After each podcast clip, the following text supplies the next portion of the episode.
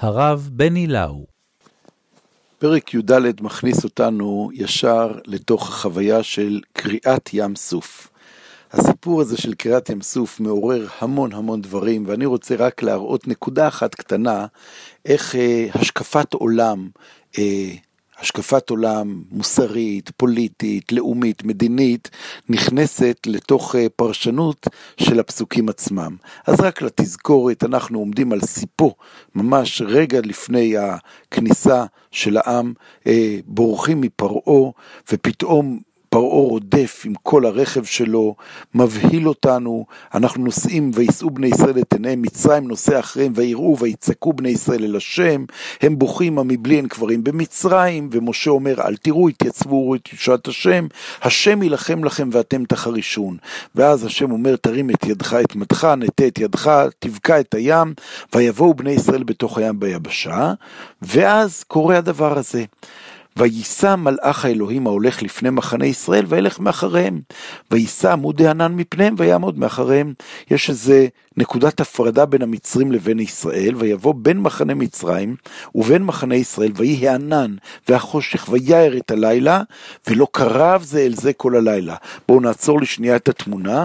אנחנו מדברים על מחנה הרודפים המצרים הגדול עם המרכבות, ומקדימה מחנה ישראל המבוהל, העבדים שיצאו בבהילו, בבהלה יצאו ממצרים, ועכשיו יש עמוד של ענן שעומד בין מחנה ישראל לבין מחנה מצרים, ועליו נאמר ולא קרב זה אל זה, כלומר המחנה המצרי והמחנה הישראלי יהיו בהפרדה גמורה כל הלילה, לא קרב זה אל זה כל הלילה. ואז משה נוטה את ידו, רוח קדים עזה והמים נבקעים, ויבואו בני ישראל בתוך הים ביבשה, המים להם חומה מימינם ומשמאלם, המצרים רודפים אחריהם בתוך היבשה הזאת, ובאשמורת הבוקר השם משקיף אל מחנה מצרים, ויעום את מחנה מצרים, ויסר את אופן מרכבותיו, וזהו, מצרים טובעים בים, ועם ישראל רואה, ויושע השם ביום את ישראל, וירא ישראל את מצרים, מת על שפת הים. וירא ישראל את היד הגדולה, ויראו עם את השם, ויאמינו בהשם, ובמשה עבדו. עד כאן הסיפור, פרק הבא כבר תפרוץ שירה. מה יש לנו כאן? בא המדרש, מדרש נורא נורא מעניין, שמיוחס או לרבי יוחנן בארץ ישראל או למישהו אחר, ולוקח את הפסוק הזה ששמנו את עינינו עליו, הפסוק שאומר ולא קרב זה אל זה כל הלילה. נכון? ואמרנו, מה זה לא קרב זה אל זה כל הלילה?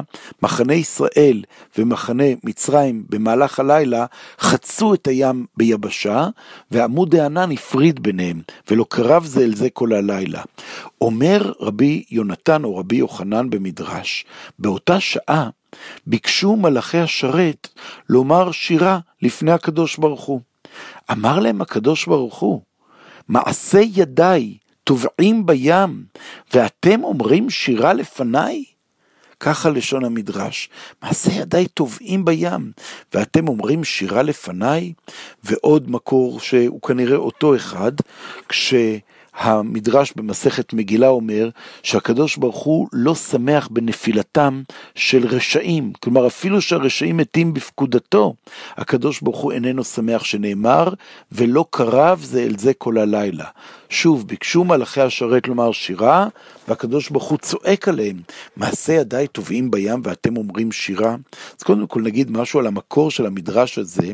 המדרש הזה הוא עובד על מצלול, הוא שומע את המילים ולא קרב זה אל זה כל הלילה, ופתאום האוזניים של המדרש שומעות משהו אחר. יש לנו בישעיהו הנביא בפרק ו', שהוא מתאר במחזה שלו, הוא רואה את המלאכים, הוא רואה את המלאכים שרוצים לשבח את השם, נכון? זה המראה הגדול של ישעיהו, ושם הוא אומר, וקרא זה אל זה ואמר, קדוש, קדוש, קדוש השם צבאות, מלוא כל הארץ. שם רואה ישעיהו הנביא במחזה הנבואה, הוא רואה את שירת המלאכים.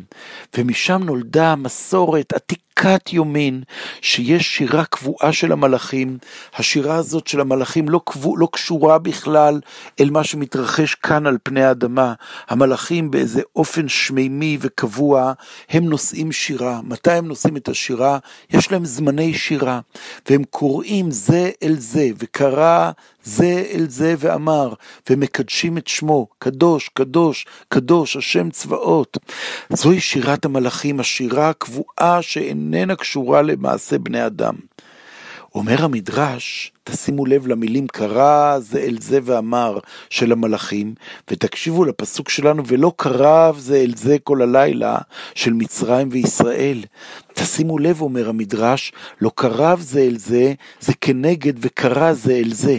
ממש משחק של מצלול של מילים.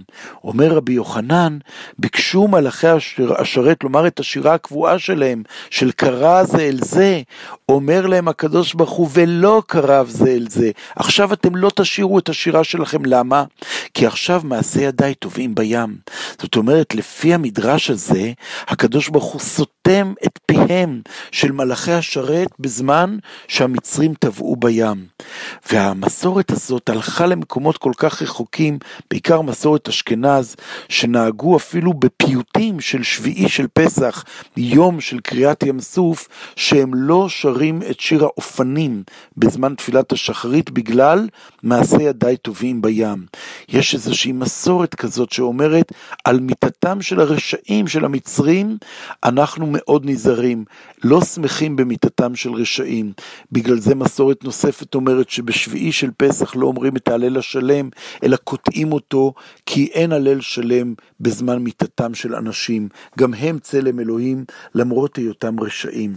ככה הפרשנות של המס... התלמוד הבבלי במסכת מגילה על המילים ולא קרב זה אל זה כל הלילה, כמו וקרא זה אל זה ואמר. אבל מסורת מדרשית, מקבילה ואחרת, אומרת את הפסוק הבא. ישראל היו נתונים בצרה בים. באו מלאכי השרת לומר את שירתם, אמר הקדוש ברוך הוא, בניי נתונים בצרה, ואתם שרים לפניי? שימו לב, לא מעשי ידיי טובעים בים ואתם אומרים שירה, אלא בניי. מי זה בניי? אתם זוכרים בפרק הקודם שדיברנו על בני בכורי ישראל. ישראל הם בניי. ישראל הם עכשיו באמצע המעבר. הם עוד לא הגיעו לגדה השנייה. המצרים עדיין רודפים אחריהם. אתם המלאכים עכשיו ממש מוצאים זמן לשירתכם? אני, ריבונו של עולם, אני נתון לצרתם של בניי, אני לא רוצה לשמוע את את השירה שלכם. כאילו המדרש האלטרנטיבי הזה, הוא לא עוסק בכלל במיתתם של רשעים, אלא בסכנתם של ישראל.